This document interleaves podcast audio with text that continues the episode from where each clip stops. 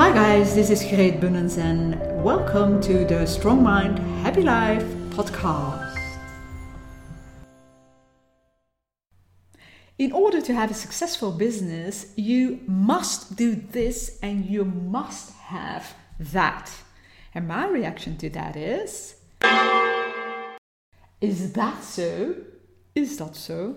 And I mustn't anything. Ik moet just niks.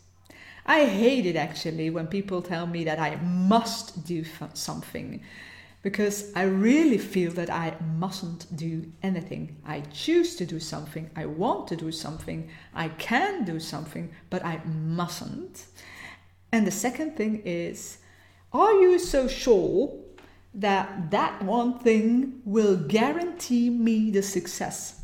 Aren't there other ways to achieve that success? And nobody can tell me, yes, I'm sure. I'm positive, 100% sure. And if they do,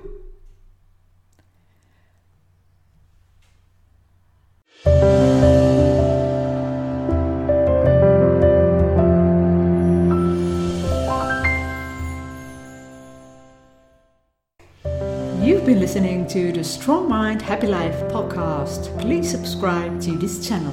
Thank you.